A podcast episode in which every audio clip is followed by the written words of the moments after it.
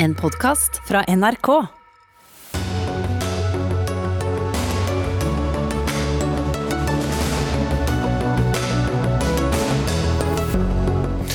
Regjeringen lar østlandskommune som ble lagt under spesielt strenge smitteverntiltak, få tilbake kontrollen. Men hvor store lettelser er det egentlig rom for? Den har vært diskutert opp og ned i mente, og om noen uker kommer omsider regjeringens forslag til ny rusreform. En reform som Frp ikke liker, Arbeiderpartiet ikke har bestemt seg helt om, og nå varsler jammen Senterpartiet at de vender tommelen ned. Norge er det mest demokratiske land i verden, viste internasjonal kåring. Demokrati er en illusjon, hevder statsviter som kommer til Dagsnytt 18. Og for første gang på ti år søker den europeiske romfartsorganisasjonen etter astronauter. Det kan bli et stort steg for Norge, som aldri har hatt en mann eller kvinne i verdensrommet. Astronomiske muligheter senere i sendingen. Velkommen til Dagsnytt 18 tirsdag. Jeg heter Espen Aas, og i denne sendingen skal vi også til den stadig spente situasjonen i Myanmar. Men det var eh, knyttet stor spenning til eh, regjeringens koronapressekonferanse i dag. Men det eneste konkrete som vel strengt tatt ja, tatt kom frem, var at regjeringen nå fjerner disse mye omtalte ringene 1 og 2, som har særlig da preget østlandsområdet.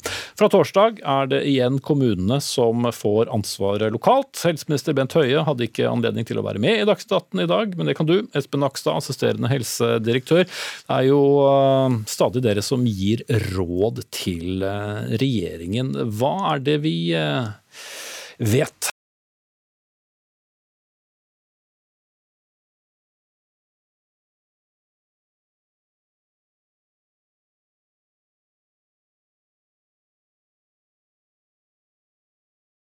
kommuner. Oslo var også affisert av denne ringen rundt. Eh, og nå har man fått vesentlig bedre kontroll mange steder. Og da er det et tidsspørsmål hvor lenge du kan ha disse tiltakene før du egentlig går over til en mer normal situasjon. Eh, men eh, nå ønsker kommunene også å fortsette arbeidet selv med lokalt tilpassede tiltak. Mm. Men det er ikke det samme som at kommunene kan eh, åpne hva som helst, og det var eh, ganske forsiktige formuleringer, eh, ja, for så vidt fra deg som du pleier, men også helseministeren i dag. Skal noe prioriteres, så er det barn og unge. Det er ikke åpne kjøpesentre, treningssentre og barer som står øverst på prioriteringen. Altså Utfordringen er jo at vi har hatt en fin smittenedgang i Norge, men nå har det flatet ut, og vi har stadig større innslag av muterte virus som er mer smittsomme. Og det er klart Hvis du da åpner opp for veldig mye mer aktivitet mellom mennesker og mer kontakt, så vil disse tallene ganske fort begynne å stige. Det er klart det er bekymringen, og da må man prioritere. Eh, og da mener vi, i likhet med alle andre også ute i kommunene, at barn og unge bør prioriteres. Og så vil jo den lokale situasjonen og smittetallene vise hvor mye risiko man kan tillate seg å ta framover. Mm. Og som vi vet, det kan endre seg veldig raskt. Så ditt råd til kommunene er åpne opp lite? Mitt råd er å følge smittesituasjonen veldig nøye, være veldig tidlig på ved smitteutbrudd. Eh, og ikke minst eh, vurdere nøye hvilke tiltak man nå skal lempe på, ut fra det nivået man allerede er på i dag. Og Den vurderingen tror jeg kommunene gjør på en god måte. Men eh, her er det snakk om å lempe på enkeltting. Det er ikke snakk om å bare gå helt tilbake til sånn det var før jul. Det tror jeg ingen kommuner ser for seg. Mm. Det angår mange hundre tusen nordmenn, akkurat eh, dette. Men det angår også veldig mange tusen små og store virksomheter. Og bl.a. i hovedstaden har det den siste tiden vært eh, snakket en del om at den kommunen er på, på, bristepunktet. Det var en formulering fra byrådslederen og helsebyråd Robert Steen fra Oslo Arbeiderparti. Du er for så vidt invitert hit av en annen grunn, men eh, når du først er her, så må jeg jo stille spørsmål til deg. Hva ser dere for dere at dere kan eh, åpne opp igjen? For dette er jo kanskje den kommunen i landet som flest følger med på. Det er kanskje ikke så rart, fordi som du er inne på i spørsmålet ditt, eh, Oslo er jo også den byen som har ledd med det høyeste smittetrykket gjennom dette året som vi har ledd med pandemien. Oslo er den eh, kommunen som har hatt eh, de mest inngripende tiltakene gjennom dette året. Og det føles veldig sterkt for de som bor i Oslo.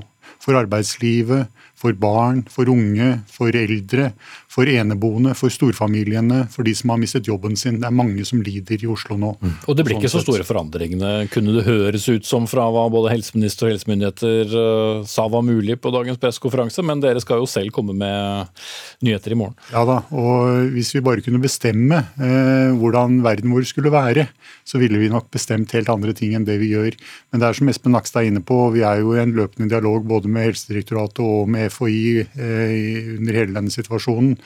Eh, smittesituasjonen i Oslo er fortsatt urolig. Eh, vi har et høyt smittetrykk fortsatt i Oslo. og Det er det som i veldig stor utstrekning kommer til å være avgjørende for hvor mye vi kan åpne når vi skal åpne byen igjen. Mm. Men dette tærer jo på, som alle vet, eh, Espen eh, Nakstad. Altså, hva vet vi egentlig om disse muterte virusene? Altså, vet vi nok til å, å si at uh, nå vil dette virke, og dette ikke vil virke? Eller uh, er det den gode gamle hold, hold avstand og ikke reis dit du ikke må, osv.? Vi vet jo at alt det vi allerede har gjort i ni måneder, eller snart ti måneder, det virker også på disse muterte virusene. Men det er klart de er mer smittsomme, sånn at de kan smitte flere personer samtidig. Og det kan også bli flere smitteledd i løpet av en uke, f.eks. ved sånne utbrudd. Og vi vet at det sannsynligvis smitter mer innendørs, så det blir en litt sånn eh, game changer, som det heter på nynorsk, eh, i dette her. Ehm, og vi får stadig bedre dokumentasjon faktisk på at den økte smittsomheten er reell. Og I tillegg så spekuleres det i om du kan få litt kraftigere symptomer ved noen av disse mer smittsomme variantene. Det begynner å bli også et belegg for det. Så Summen av dette gjør at eh, det blir vanskeligere å drive smitteoppsporing og testing og få kontroll på utbrudd hvis du er litt for seint ute. Så du må være enda tidligere ute enn før. Det er på en måte det viktigste for kommunene å huske på, tror jeg. Mm.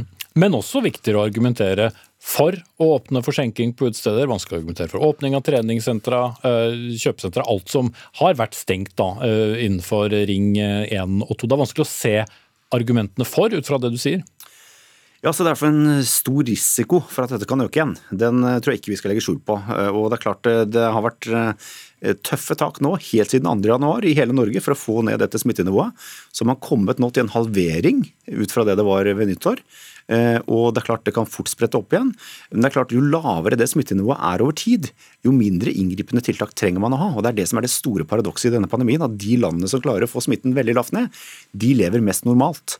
Eh, og så er det et spørsmål når skal du da slippe opp, og når skal du ta den risikoen? Det er egentlig det det hele dreier seg om. Mm, men jeg har ikke noe inntrykk av at vi har noe godt svar på det. Så lenge disse muterte virusene fortsatt er en ganske stor ukjent eh, faktor oppi det hele, og fordi vi fortsatt bare har eh, vaksinert, eller satt eh, over 300 000 vaksinedoser til landets befolkning? Nei, Det er helt riktig, det er utfordrende. Og vi ser i land rundt oss eh, at dette stiger ganske fort. I Irland nå så er det jo over 60% at smittetilfellene er nå muterte virus. I Storbritannia er det over 90 og dette vokser i alle land, også i Norge sannsynligvis. sånn at Det er en veldig vanskelig situasjon når vi både har vaksinert ganske få, og samtidig har stadig disse muterte virusene som endrer seg.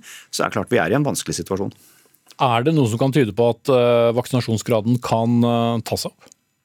Ja, meldingene fra disse vaksineprodusentene er positive. Eh, nå har vi jo fått gode nyheter nå siste uka på stadig økte volumer fra to av de som er godkjent. Så det er klart Dette ser faktisk bedre ut nå inn mot sommeren enn det gjorde bare for et par uker siden.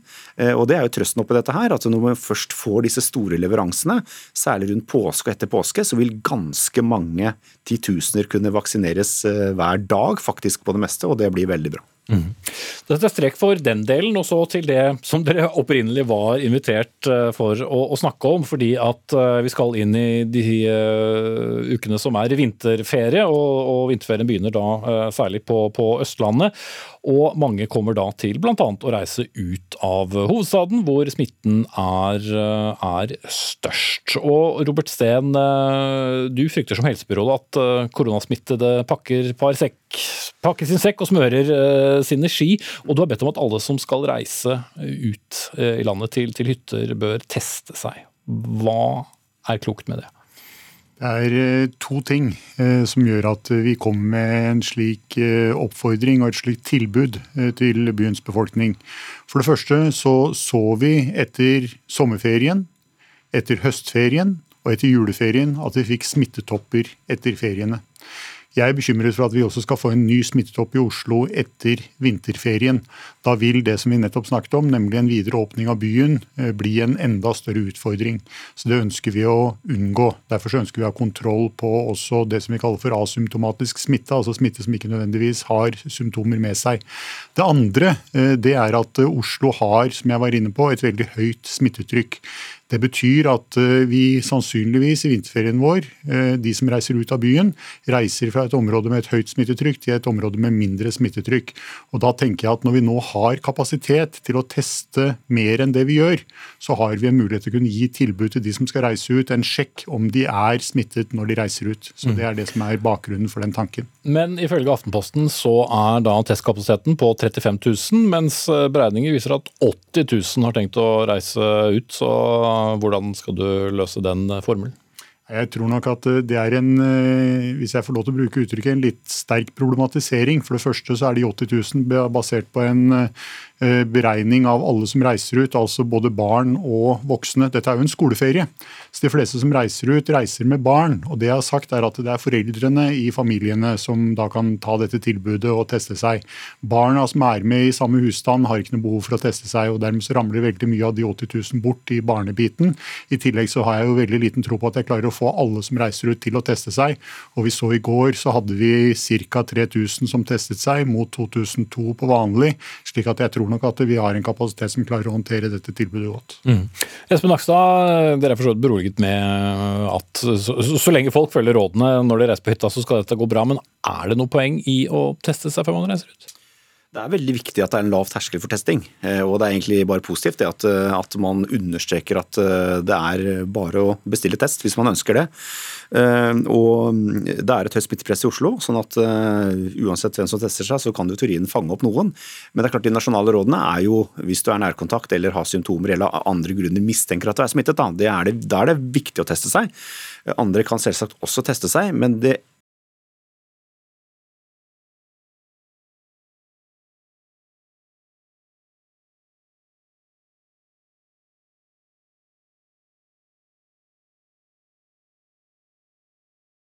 på fredag og skulle reise til en kommune et helt annet sted i landet på, på mandag, så er jo ikke noen trygge. Absolutt, så det forteller bare om du er smitteførende den dagen du tar prøven. Du kan være smittet, og sykdommen, sykdommen kan bryte ut noen dager etterpå. Eh, så det må folk være klar over. Eh, men du kan også fange opp noen, så det er isolert sett positivt. Men man må huske på at eh, negativ test betyr ikke at du kan droppe andre smittevernråd og smittevernrutiner. Det er veldig viktig å få sagt. Mm. Og du får ikke testet alle på morgenen før de reiser ut eh, til eh, kommunen Norge? Nei, og så er ikke jeg så bekymret som Espen Nakstad på at vi skal legge bort smittevernatferden vår fordi vi tar en test. I Oslo alene så har vi siden sommerferien testet 400 000 mennesker. Og vi er fortsatt veldig gode på å overholde smitteverntiltakene våre. Jeg tror vi har lært oss dette gjennom det siste året. Det handler om hygiene, det handler om avstand, det handler om små grupper, det handler om liten mobilitet. Dette begynner nå å gå ganske godt inn i beinmargen vår. Eh, så jeg tror nok at dette er et tilbud som eh, de fleste som tar det, ikke eh, kommer til å medføre at de kommer til å være mer lemfeldige med smittevernatferden sin på ferie enn det de ellers ville vært. Mm. Men det øker jo trykket på teststasjonene, og så vil det være noen som har symptomer og derfor går for å teste seg. Og så har mm. du kanskje flere hundre, om ikke si flere tusen, som ikke har det. Er det logikk i at de skal reise det samme sted? Ja, nå har vi I siste tallene så viser det seg at 97,5% av alle vi tester i Oslo er ikke smittet. Eh, slik at Det er jo det som er bildet. Hvis det gir seg utslag også i alle de som nå da tester seg før ferien, så betyr det at vi fanger opp en 25-30 smittede per 1000 vi tester. Av de så vil en del være engelskmutert virus, som vi da får stoppet før det reiser ut av kommunen. Og Det er jo i det perspektivet der hvor vi tror at dette kan være et godt tiltak. Nå snakker vi eh, vinterferie. Dette er jo et forsøk på da å kunne ha det vi kaller for en forsterket TISK-strategi rundt det å åpne opp for å reise på ferie. Man kan jo tenke seg at tilsvarende testregimer kan innføres i forbindelse med at man åpner treningssentre, kinoer, teatre osv. Dette er jo en verden verken Espen eller jeg har vært i før, eh, så noe av dette må vi jo prøve ut. og nå er vi i en verden hvor vi skal prøve å åpne samfunnet igjen, samtidig som vi skal ha en kontroll på smitteutviklingen. og Da kan jo dette at vi screener eller massetester på denne måten være én måte å se det på. Og jeg tror det er mange som kommer til å være interessert og nysgjerrige på resultatene etter at Oslo har gjort dette. Mm, ja, nei, Det tror jeg også er eh, framtiden her, og dette har vi faktisk dialog med Oslo kommune om. Dette med forsterket TISK og, og bruke hurtigtester eller nye teknologier. Så du gjenta hva TISK er? Eh, nei, testing, isolering, smittesporing, karantene. Det er liksom det alle kommuner i Norge gjør da, for å kartlegge smitten og stoppe smitten. Og, og det å f.eks. hvis det er en mistanke om et utbrudd i en region eller på en arbeidsplass eller en skole, sånn som man har gjort i Oslo, det å da teste alle raskt kan være veldig effektivt. Eh, som en sånn slags screening. sånn at dette tror jeg vil komme sterkere og sterkere fram mot sommeren. Og at det er det som vi må sette i, i system for å kunne åpne samfunnet? For jeg, ja, jeg, jeg, tror det er mange i dag som eh, ble litt nedtrykt eh, av ja, kanskje mangelen da, på gode nyheter fra dere? Vi må gjøre alt vi kan. Og vi må bruke alle virkemidlene vi kan nå de siste månedene før vi har en fullvaksinert voksen befolkning. Og da blir dette også en del i verktøykassa som vi må jobbe veldig målrettet med framover. Mm. La oss uh, nå hente inn noen av de som befinner seg der ute. Så får dere tappe dere hodetelefoner, mine herrer. Fordi én ting er de som reiser ut, men så er det da disse kommunene som tar imot. Oppfordringen har jo bl.a. fra deg, Nakstad, vært å handle hjemme og ta med deg det du trenger på, på, hytta. Men det er også ganske mange hyttekommuner som ønsker at folk skal handle lokalt til tross for dette rådet. Og ordfører Solveig Vestenfor, du er ordfører i Ål kommune i, i Hallingdal. Du, ønsker, du vil gjerne ha en liten test først, men du ønsker, du ønsker altså hyttefolket velkommen. Men hvor, hvor bredt åpner du armene? Ja, Vi er veldig glad i hyttehallingene våre, med, og eh, vi tror og vet jo at det er en stor helsegevinst eh, i det å være på hytta. Dette handler jo om livskvalitet for mange.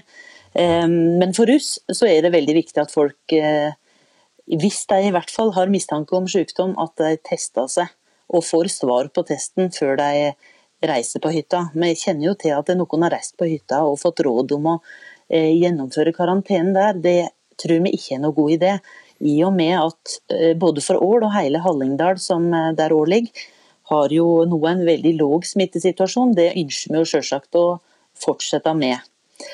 Og Når det gjelder dette her å være på butikken, så har eh, hele Hallingdal faktisk en forskrift som tilsier at hvis du ikke kan holde meteren, så er det påbud om munnbind.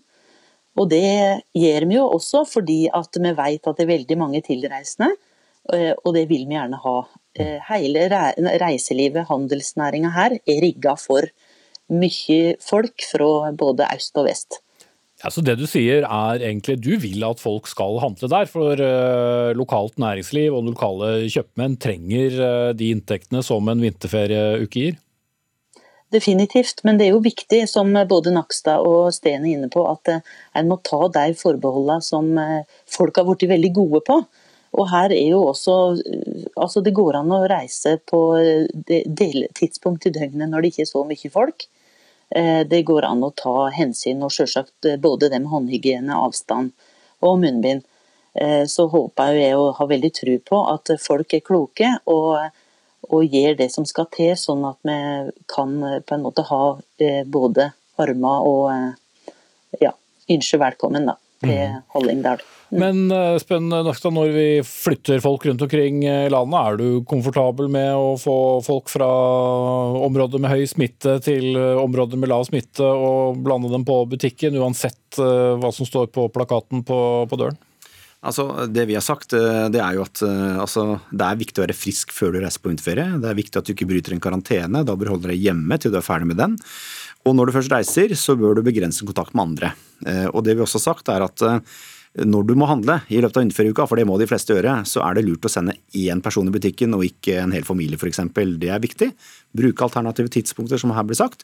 Og så tror jeg at folk fra Østlandet nå de vil ha med seg munnbind og bruke det på butikken der hvor de er på vinterferie.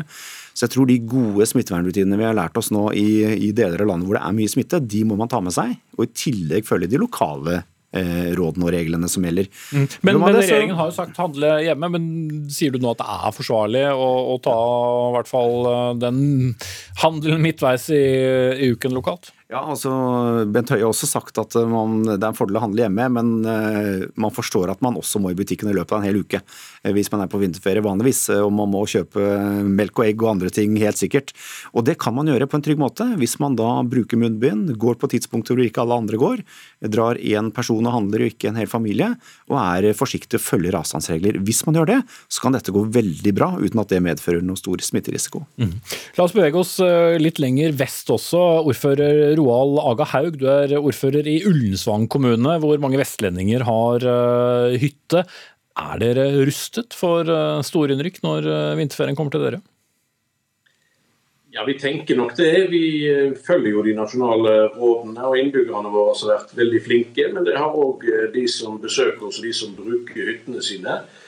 Hos oss så bruker folk munnbind både foran og bak butikkdisken. og vi er opptatt av å fortsette den dugnaden, men har eh, innså i fjor og innser i år òg at det blir en del utfart i vinterferien. og Da forventer vi at de som besøker oss, forholder seg til de gode smittevernreglene som de har lært seg etter hvert. Og Så er vi òg veldig fornøyd med skianleggene og butikkene våre, som har veldig gode eh, smittetiltak og er veldig nøye på smittevernet. Sånn at det det har vi et håp om skal gå veldig bra. Samtidig så er vi eh, vant med å sette inn tiltak raskt når det er nødvendig. Mm. Du eh, kan jo fort få besøk, eh, og deler forstått dere begge, av ganske mange som ikke har tatt en øl på et serveringssted på, på mange måneder. Og vi vet alle bekymringen til helsemyndighetene på hva det gjør med oss. Hva tenker du om det? Det gjelder jo det samme som tidligere, at vi anbefaler folk å være med de som de er med til vanlig når de er på hytta. Og vi håper jo det at folk eh, ikke eh, oppsøker eh, for mange andre når de er på besøk hos oss, og at de er forsiktige og tilknyttet til alkohol. Men erfaringene våre tidligere fra skianleggene våre f.eks., som mange var bekymra for når de åpna opp, har vært gode. De har ikke hatt smittetilfeller derifra, og heller ikke fra restauranter og butikker. Så vi opplever at eh, både de besøkende og de lokale tar et veldig stort ansvar her. Mm. Tilbake til dere i studio, der flesteparten skal ikke reise på vinterferie, verken på Østlandet eller Vestlandet eller noen annen del av eh, landet. Men de er jo veldig spent på det eksperimentet som heter vinterferie likevel, for det kan bety ytterligere eh, restriksjoner. Er dere forberedt på det? Det er jo det som er eh, store bekymringen vår. Eh, ref igjen det jeg sa i stad rundt eh, sommerferie, høstferie, juleferie. Det skjer noe i hodene våre når vi reiser på ferie. Det legges bort litt den vante atferden, og det er jo den vante atferden, særlig innenfor smittevern, som har tror jeg, brakt oss til en såpass god, positiv posisjon som det vi har gjort. Så det er jo en bekymring, definitivt. Det blir en slags lakmustest, dette, Nakstad? Ja, jeg er ikke like bekymra, kanskje. fordi når du ser litt på bakgrunnstallene, så eh, høstferien f.eks. Så det er klart det kom en del smitte etter høstferien, men det var nok mye også fra utlandet. Eh, og det at folk er borte en uke, og skoler og barnehager er stengt, og mange har fri fra jobben, i hvert fall noen, det senker jo mobiliteten i samfunnet, ikke minst i byene, og det blir bedre plass i byene at noen eh, drar et annet sted. Så det er ikke sikkert at dette er noe stor risiko eh, totalt sett, men det er en risiko hvis man ikke følger de gode rutinene man har i byen når man reiser ut. Så det blir helt avgjørende at man gjør det. Mm. Jeg vet i hvert fall at det sitter veldig mange som ikke har vært på jobb kanskje på nesten eh, ett år, og ikke har vært på utsiden av døren på veldig lang tid, som håper at det går bra. Da sier vi takk til dere alle fire. Robert Steen, helsebyråd i Oslo fra Arbeiderpartiet. Assisterende helsedirektør Espen Rostrup Nakstad, Roald Aga ordfører i Ullensvang kommune, og Solveig Vestenfor, som er ordfører i Ål kommune.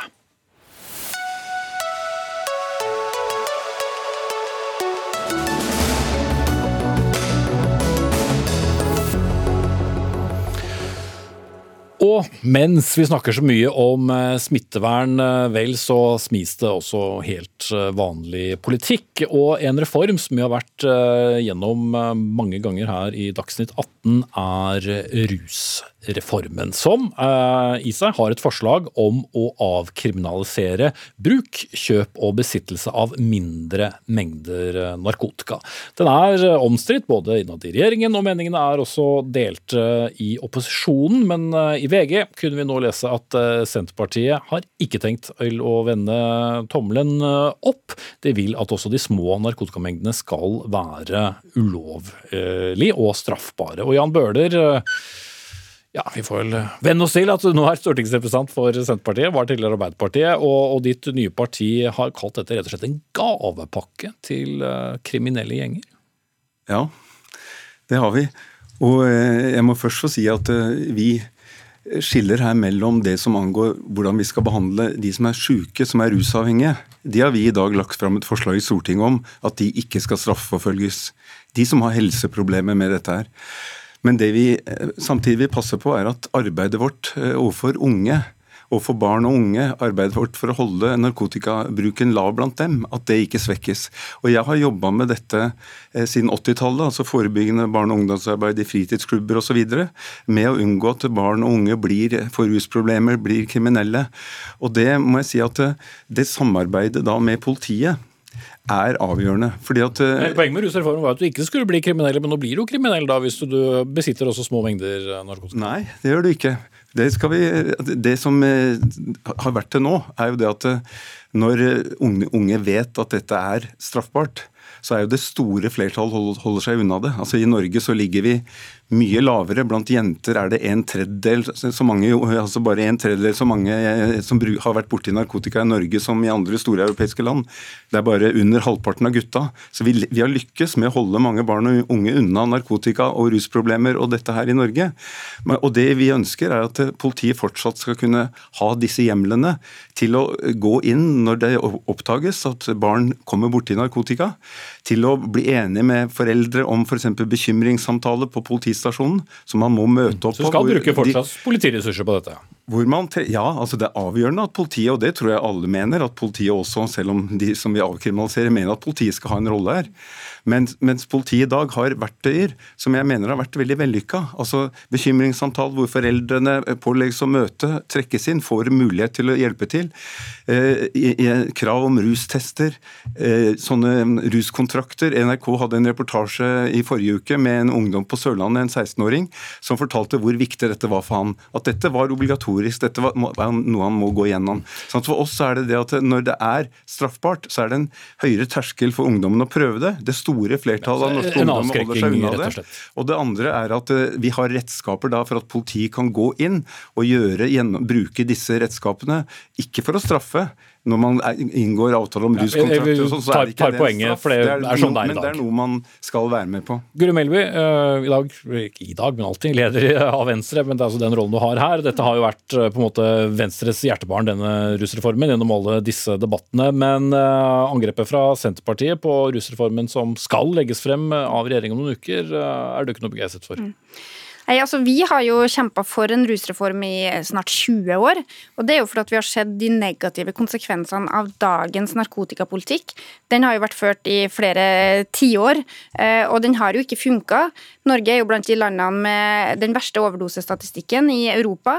Og det er heller ikke sånn at det er noe sammenheng mellom straffenivået i et land og rekruttering av ungdom til rusmiljøet. Så, så det som Bøhler fremhever, mener du tvert imot ja, eh, er et problem? Altså, Jeg betviler jo virkelig ikke Jan Bøhler sitt engasjement for ungdommer, og spesielt ungdommer i Oslo øst. Men problemet er jo at medisinen som han foreskriver, ikke virker. For vi vet at straff ikke fører til mindre bruk, og i tillegg så vet vi at straff rammer veldig skjevt.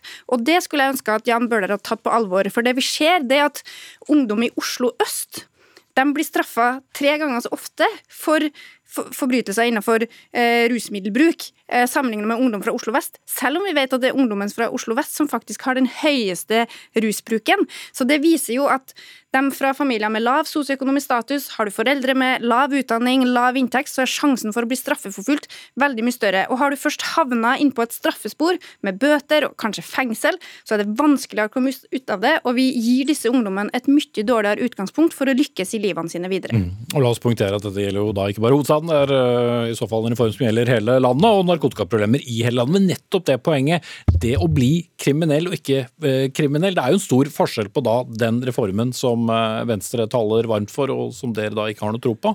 Det å få noe på rullebladet. Nei, altså vi ønsker ikke at det skal på rulleblad. Når man avkriminalisere disse, nei, når man innfrir disse kravene som ligger i en, i en ruskontrakt, i, en, i, i, um, i, et opplegg for uh, å la seg rusteste, bekymringsavtale med foreldrene, så trenger de ikke å komme dit at det skal på rulleblad.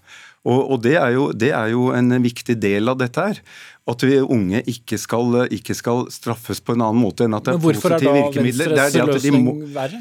Jo, fordi at det, dette må de være med på. I det, I det, forslaget der så er det Så hvis man um, har eh, rusmidler på seg, så, så, får man altså der, så skal ungdom forstå forskjellen på at det er ikke straffbart, men det er heller ikke lovlig. Og så skal de få et tilbud om å møte opp en, til en rådgivning. Men det er, ingen, det er, ingen, obligatoriske virkemidler som ligger i grunn, sånn at de kan komme inn i et løp for å unngå å få rusproblemer. I noen tilfeller så er det jo bare, hvis det er første, første kontakt de har med narkotika, så kan det være bare det å trekke inn foreldrene i en bekymringssamtale og sånn, som kan vise seg at politiet finner ut det er nok. Da har man satt i gang en prosess. De tror ikke at denne ungdommen men, kommer til å komme Men hvor stor er den forskjellen gjelder... til deres forslag, egentlig? Nei, det er det som er litt vanskelig å få has på, egentlig. For jeg syns jo at mange av de virkemidlene Jan Bøhler peke på, altså det å ha samtaler, veiledning, rådgivning Det høres veldig likt ut. Det er jo akkurat det vi kommer til å gå inn for. Og, nei, ja, ja, men, nei, forskjellen er ikke om det er obligatorisk eller ikke. Forskjellen er hva som er pisken i enden dersom du ikke oppfyller din del av kontrakten. Og det har jeg også lyst til å spørre om. Hvem tror du har størst sjanse til å følge sin kontrakt, til å møte opp til alle samtaler, til å gjøre alt det man skal? Er det en ungdom som har ressurssterke foreldre, som passer på at du kommer til det møtet du er innkalt, eller er det en ungdom som ikke har den type ressurser? Spørsmålet her er jo hvem er det vi rammer? Jeg mener at den politikken som vi har ført i flere tiår, og som Jan Bøhler ønsker å føre, det fører til at vi straffer dem som har det dårligste utgangspunktet. Mm. Så du svarer på det første, Bøhler. Jeg eh, vil at mine ungdommer, for å si si det sånn, på østkanten også skal møte opp til de rustestene og til det som er hjelp til å komme ut av rusmisbruket sitt. Har du god erfaring på det? Ja. Eh, jeg har vært eh, nært på f.eks. unge som har vært borti rusmidler en eller to ganger, og har vært, hvor foreldrene har blitt innkalt til en samtale på politistasjonen sammen med barnet. da, Og det har vært det. Da har de kommet seg ut av det. For da ble det så mye alvor i familien og for, for barnet. at det, Men så er det alle de som man. fortsetter. Har, ja, sto, husk på det at det, ifølge undersøkelser, f.eks. Ungdata, så er det 5% av jentene i Norge som har prøvd cannabis i tiårsalderen, og 8% av gutta. Altså Det store flertallet holder seg unna det, må huske på. Men det, altså, det er ikke riktig å, å si.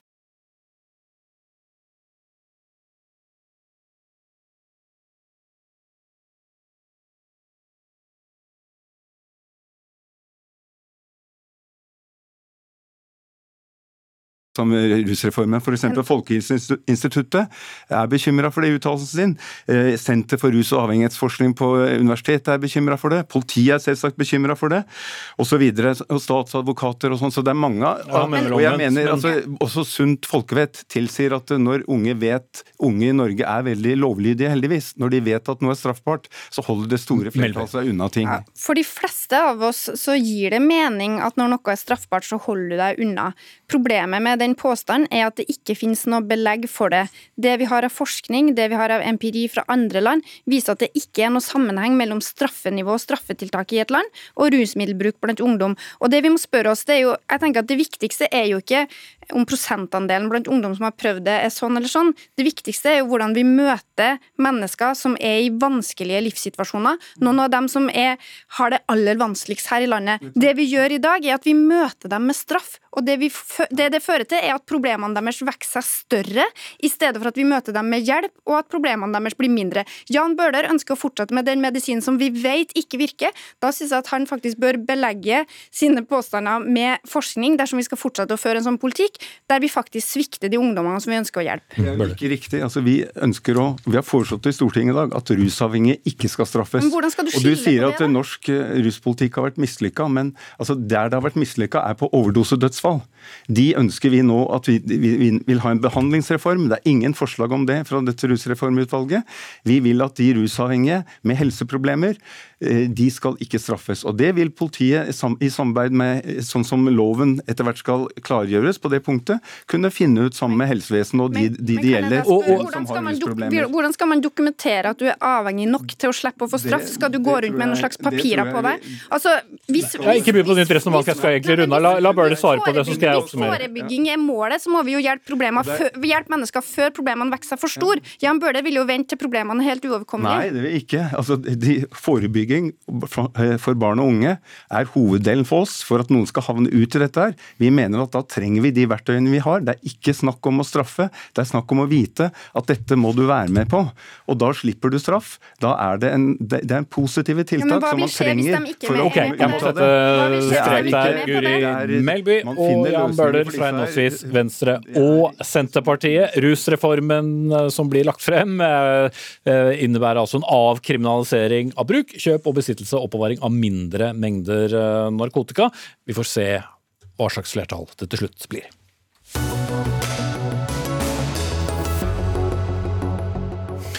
Vi har det med å komme høyt opp på internasjonale kåringer, vi nordmenn. Nylig toppet vi lister over demokratier, men er det så mye å la seg begeistre over, spør vi om på slutten av sendingen. Vi skal for så vidt snakke om demokrati nå også, men eh, i helt andre former. For situasjonen i Myanmar er stadig spent. Og Siste nytt er at den avsatte lederen i landet, Aung San Suu Kyi, nå også er siktet for å ha brutt en lov om håndtering av naturkatastrofer. To uker er gått siden militæret igjen tok kontrollen over landet. De avviser stadig at det er et kupp, men både landets leder, president og flere regjeringsmedlemmer ble da pågrepet, og det har vært store protester i gatene.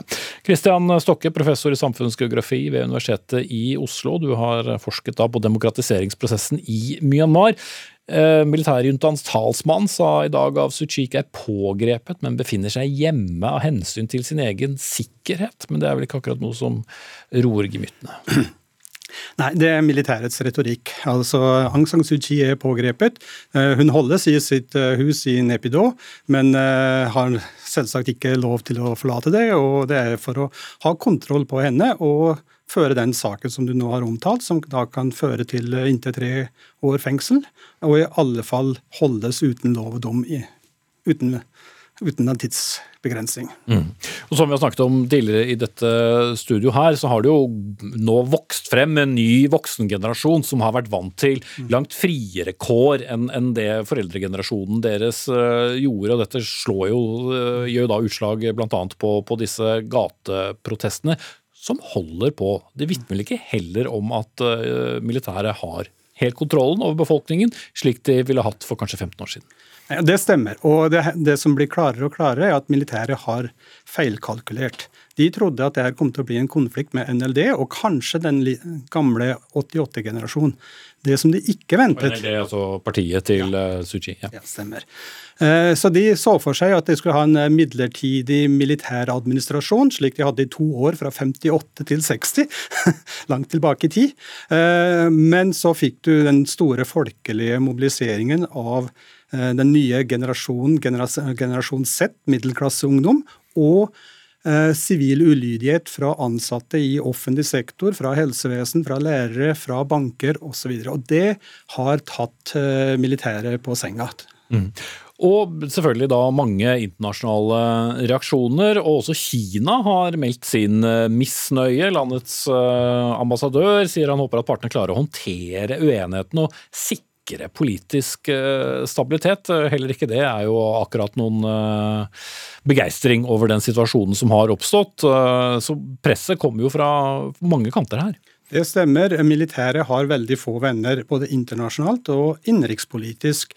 Det har nok òg mistet støtten fra si, den økonomiske eliten som opprinnelig ble skapt Eh, på grunnlag av sine nære bånd til militæret. Når det gjelder Kina, så har Kina en, en, ganske klar interesse, og det er først og fremst stabilitet. Kina er ikke primært interessert i eh, et NLD-styre eller et militærstyre, men de er interessert i det som gir stabilitet og forutsigbarhet. Og det som vi ser nå, er ikke stabilitet. Nei, for dette koster jo også penger. Vårt eget mm. Telenor presses av militæret, som kommer med Eh, råd om hva de skal gjøre og ikke gjøre når det gjelder mobiltelefoni og internett, som er en situasjon som de misliker i større og større grad. Og til sjuende og sist kan det være penger, finans og næringslivspress som uh, kan avgjøre denne situasjonen? For militæret har jo gitt seg god tid. Ja, altså Det er press fra mange kanter, inkludert eh, fra økonomiske aktører, både i Myanmar og internasjonalt. Uh, Militærstyret, det administrative rådet, lov, hadde som et av sine løfter at de skulle styrke økonomien, gjenreise økonomien. Og det var et løfte, ikke minst til internasjonale investorer. Og så viser det seg at det går jo motsatt vei, og ikke minst eh, finanssektoren er nå i problemer. og rammes når militæret f.eks. stenger ned internettet.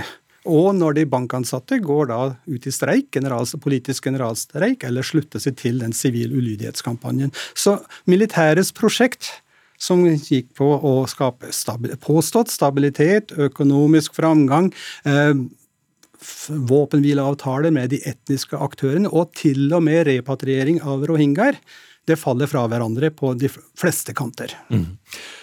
Militæret har styrt eh, med jernhånd før, som vi har vært inne på. Eh, det fungerte slik de ønsket da. Nå sliter de. Men det er jo to alternativer som står fremst her. Enten så må de feste grepet med de konsekvensene det kan få, ikke minst eh, økonomisk. Eller så må de løsne grepet og miste ansikt. Ja, det stemmer. Eh, det som militære militæret ønsker i utgangspunktet, det er ikke et militærstyre, men de kan tvinges i den retningen. Eller føle seg tvunget i den retningen. Eh, det militæret ønsker, det er det de kaller en, en reelt disiplinert demokrati. Altså en styrking av det halvdiktaturet eller halvdemokratiet som de skapte, ved å fylle noen det de oppfatter som institusjonelle smutthull. Men når det prosjektet faller fra hverandre, så kan det gå til den andre ytterligheten at vi ikke gjenskaper det som var før 1.2, men at det skjer en reell demokratiseringsprosess, eller en mer reell demokratiseringsprosess. Og det er helt klart ikke militærets prosjekt eller ønske. Mm. Vi får følge med videre. Takk skal du ha, Kristian Stokke, professor i samfunnsgeografi ved Universitetet i Oslo.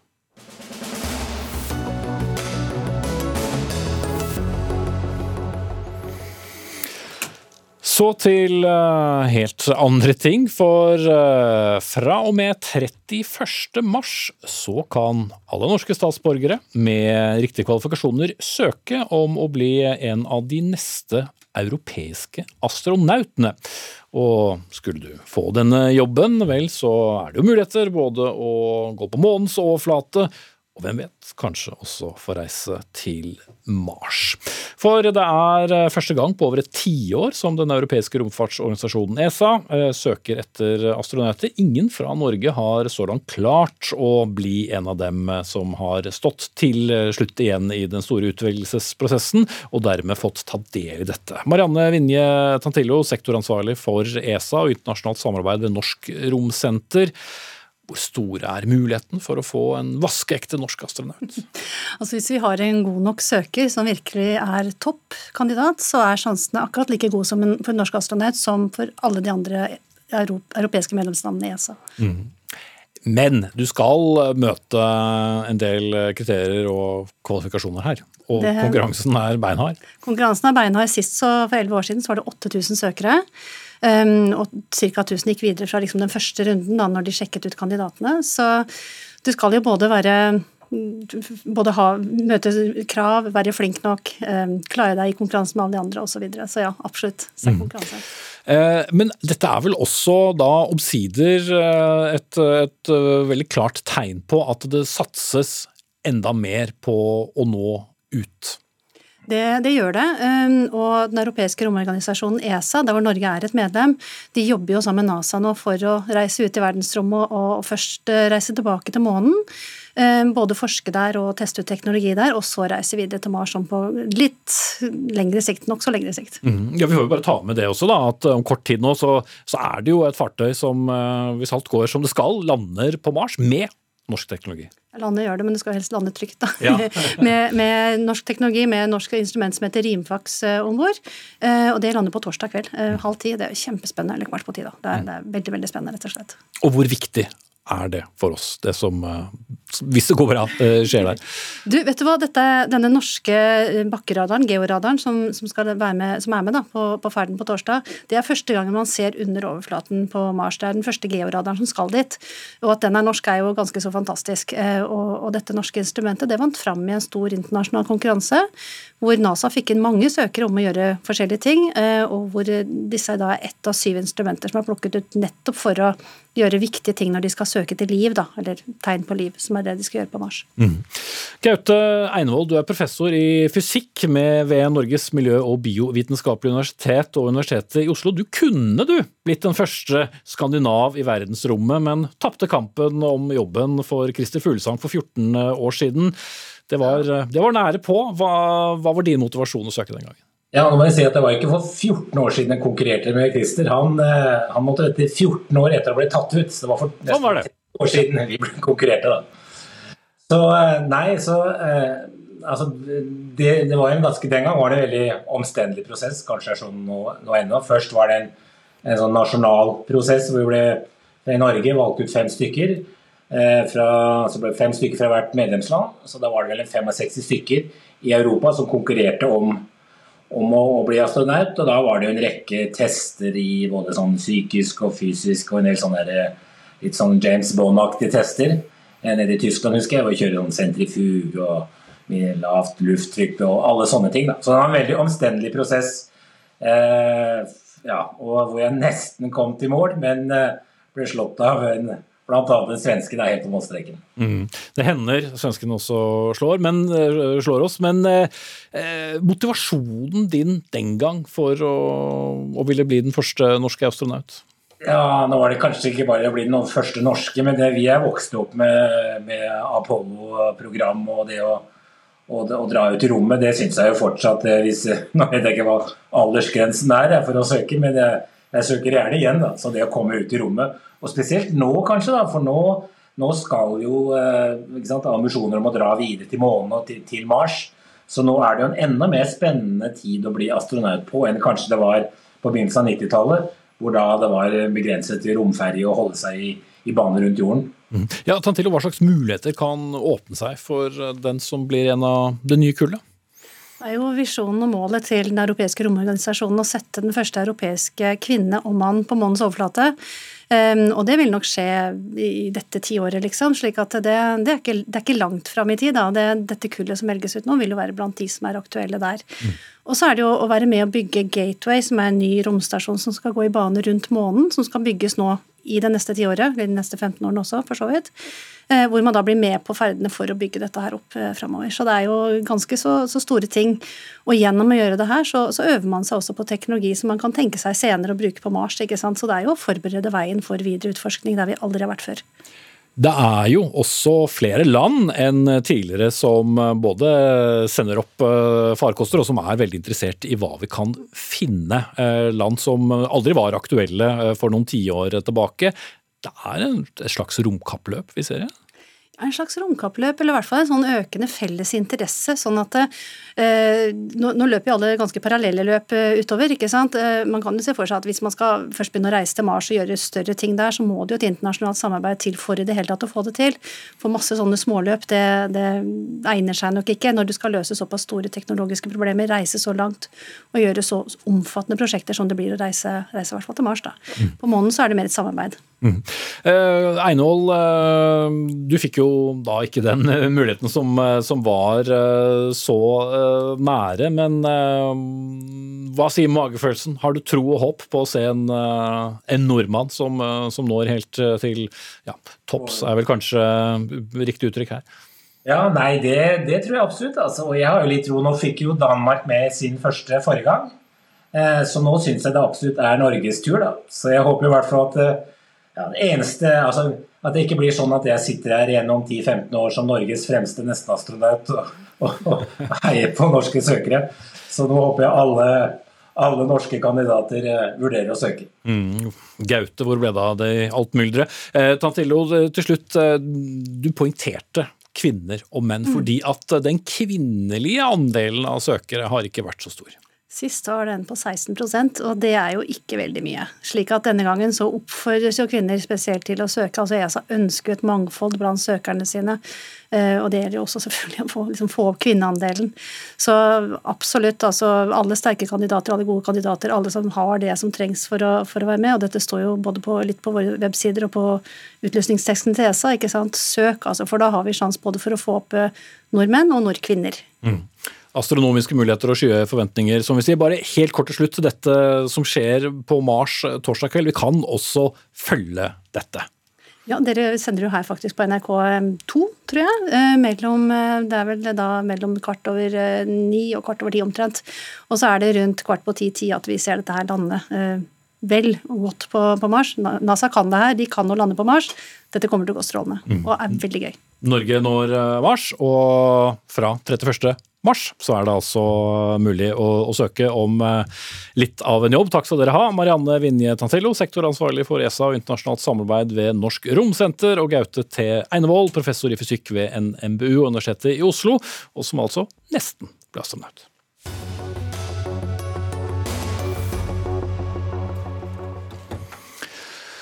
Norge er best på demokrati i verden og havnet eh, på topp i den årlige internasjonale kåringen eh, som ble trykket i tidsskriftet The Economist, og topper da listen, kanskje ikke overraskende, med nordiske kolleger som Island og Norge. Men Harald Borge Lund, statsviter og førsteamanuensis ved Avdeling for økonomi, språk og samfunnsfag ved Høgskolen i Østfold. Demokrati er en illusjon, så ingen spretting av champagnekork. Hvorfor er det en illusjon?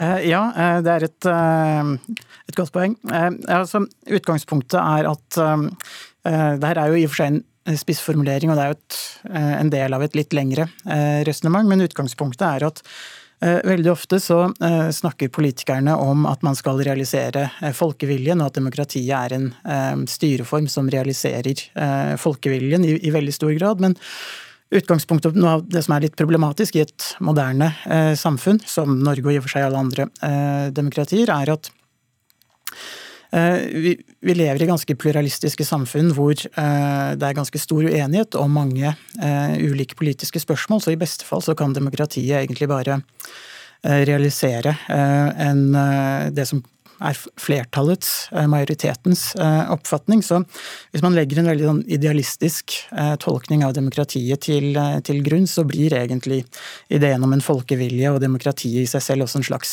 illusjon, eller en, nærmest en moderne myte som mange politikere er veldig opptatt av å, å viderebringe. Så det er litt det som er utgangspunktet. Det er egentlig de som til sjuende og sist sitter med makten? Eh, ja, altså hvis man skal, hvis man skal formulere det på en litt annen måte, så kan man også si at demokratiet er en, en styreform hvor eh, man hører på hva folket har å si og hva folket mener, men man fortsetter å styre som før. Politikerne gjør som, som de alltid har gjort, for å si det litt, litt enkelt. Ja, Professor i statsvitenskap ved Universitetet i Oslo, Karl Henrik Knutsen. Tenker du på vårt demokrati som en illusjon? Jeg gjør jo ikke det, eh, men, men, jeg var veldig eh, glad for at Harald sier at det er en, en spissformulering. Eh, og, og, det han følger opp med i etterkant, altså målt opp mot dette idealet altså Hvis vi er, hvis vi er veldig blåøyde og idealistiske og tenker på demokrati som en realisering av folkeviljen, så er jo ikke det riktig. Altså det, det, vil vi aldri klare å få til å, med noen som helst styreform. Der svikter ikke bare, bare demokratiet. Men så er det, hvis vi skal se på det litt mer praktisk og tenke er det noen andre styreformer, er det noen andre måter å styre samfunnet på som kan bringe oss nærmere en slags folkevilje, hva, den, hva nå den måtte være, så er nok svaret, svaret nei. Det er mange Historien har ikke klart å bringe frem så mange gode alternativer? som vi vet? Nei, ikke i det hele tatt. Så, så, eh, At jeg er sånn ihuga demokrat, det er, det er, like mye det at jeg er realist som, som idealist. Altså, for jeg tror den idealiserte forståelsen av hvordan eh, diktaturer har fungert, ofte er enda mer malplassert enn en, på en måte eh, den ideelle forestillingen om demokratiet. Så Mange autoritære ledere som har forkynt at de vet hva folket vil ha. Og, og, eh, og så har de selvfølgelig ført en helt annen, annen, politikk, men i demokratier har vi i hvert fall valg, og vi har en del andre kanaler som gjør at vi kan kaste de eh, lederne som styrer for langt unna det folk ønsker. Mm. Men det er noe med den illusjonen da likevel som, som blir pekt på her. for du, du, får i demokrati først og fremst muligheten til å velge dine politikere, og så må du vente fire år til neste gang for å gi dem uh, karakteren om, om de gjorde det du hadde tenkt. Ja, Og det er, det er, jo klart, det er jo et veldig Det er vel eh, en slags øks, hvis man skal sammenligne med våpen. Det er ikke, det er ikke veldig sånn fin, eh, fintilpassa. Altså man, man, kan ta unna de politikerne som da eh, bryter på viktige politikkområder. Men det å finstyre, da trenger man andre Da ville man trengt andre mekanismer. Og vi har jo også andre mekanismer, bl.a. i Norge, for at man kan gå sammen i organisasjoner, man, blir, man får være med på høringer. Så det finnes en del mekanismer også i praksis som gjør at kan, politikerne kan få input. Det er klart Til syvende og sist så har vi et representativt demokrati i Norge. Vi velger politikerne våre. Og noe annet er også veldig vanskelig å se for seg i et storskala samfunn hvor vi ikke kan samles på torget i, i Aten. Mm. Ja, det er som det er sagt mange ganger, Borgerbund. Det er ikke perfekt, men det er det beste vi har. Ja, eh, det stemmer. Og det er, det er jo mange fordeler eh, med demokrati. Og eh, det er jo en del samfunn, I mange samfunn så fungerer jo også demokratiet ganske godt. Det som, det som kanskje er mitt, mitt anliggende, er jo litt det at vi ofte feirer demokratiet kanskje litt, litt for ofte og slår oss på brystet og sier at eh, demokratiet er en, eh, den ultimate styreformen. Mens, som Karl Henrik også har vært inne på, det, det fins mange begrensninger i, i, demokratiet. Og det som, som kanskje Karl Henrik og jeg studerer fra litt ulike vinkler, er jo at det finnes en del begrensninger i demokratiet, og at vi må ha en slags realitetsorientering. Og Kanskje fokusere litt på noen av svakhetene med demokratiet også, for å kunne opprettholde demokratiet som en, en styreform som fungerer eh, godt i Norge og, andre, andre, land også. Og Det er jo noe av det som er interessant med, med den demokratiindeksen til eh, The Economist, eh, som viser at demokratiet er i tilbakegang og er under press i, eh, i mange land. og eh, de områdene som gjør det best på demokratiindeksen, er jo egentlig land rundt Nord-Atlanteren som Nord-Europa og Canada. Eh, så det er jo en ganske liten kjerne med, land som har et, har et veldig godt fungerende demokratier, og så er det mange land som, eh, hvor demokratiet også er under, eh, under press. Mm. Men, men, hva er årsaken til det? da? Er det det som vi ofte eller hører mer og mer om nå, om, om politiske eliter, uh, ruling class, som er, er, langt fra det folket egentlig er opptatt av? Ja, det kan nok være en, en del av forklaringen. Man kan stille, spørsmål, stille spørsmålet er er demokratier eh, med på å skape velfungerende samfunn, eller er det velfungerende samfunn som, blir, eh, som er demokratier? Så Man kan se det fra litt, litt ulike sider. og Karl Henrik har jo i sin forskning har fokusert mye på, på mange av de betingelsene som ligger til grunn for eh, nettopp for hva som, som genererer velfungerende demokratier.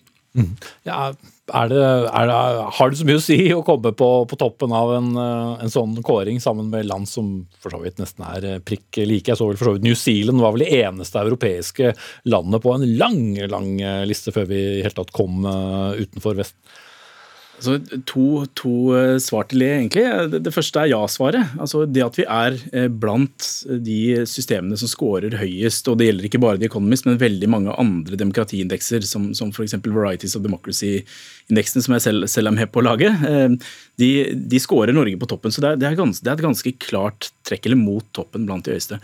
Men akkurat det at vi er nummer én, og ikke nummer to eller nummer tre eller nummer fire, der er det, det er eh, mer eller mindre tilfeldig og avhenger av akkurat hva slags indikatorer du, du, velger ut, hva slags spørsmål du velger ut, da, og hvordan du skrur sammen den indeksen. Så, så, akkurat det at vi er på toppen, det er jo bra, og vi kan gjerne feire det, men, men det er mye usikkerhet der, så vi skal ikke ta det for, for bokstavelig. Mm. Demokratiet vårt har utviklet seg mye ja, på, på 100 år, både en som får lov til å stemme osv., men uh, ser du for deg sånne åpenbare justeringer vi kan gjøre for å få det mer perfekt? da?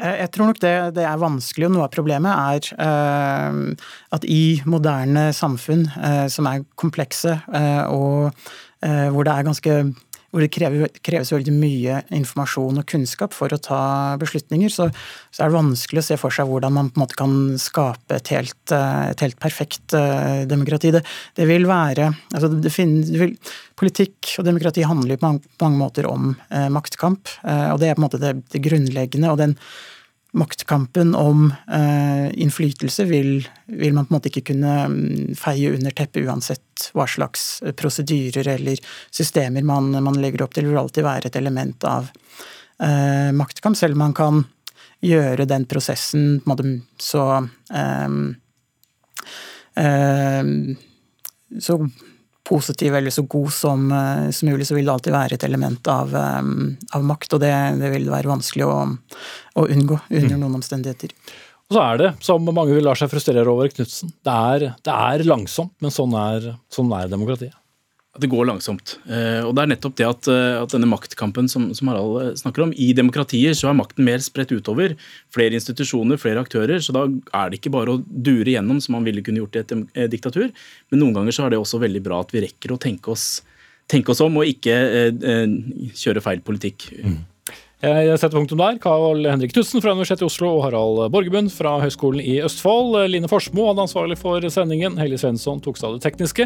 Jeg heter eh, Espen Aas, og dere får en ny fersk sending i morgen.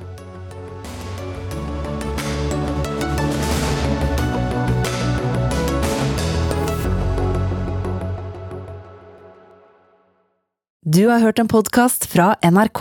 Hør flere podkaster og din NRK-kanal i appen NRK Radio.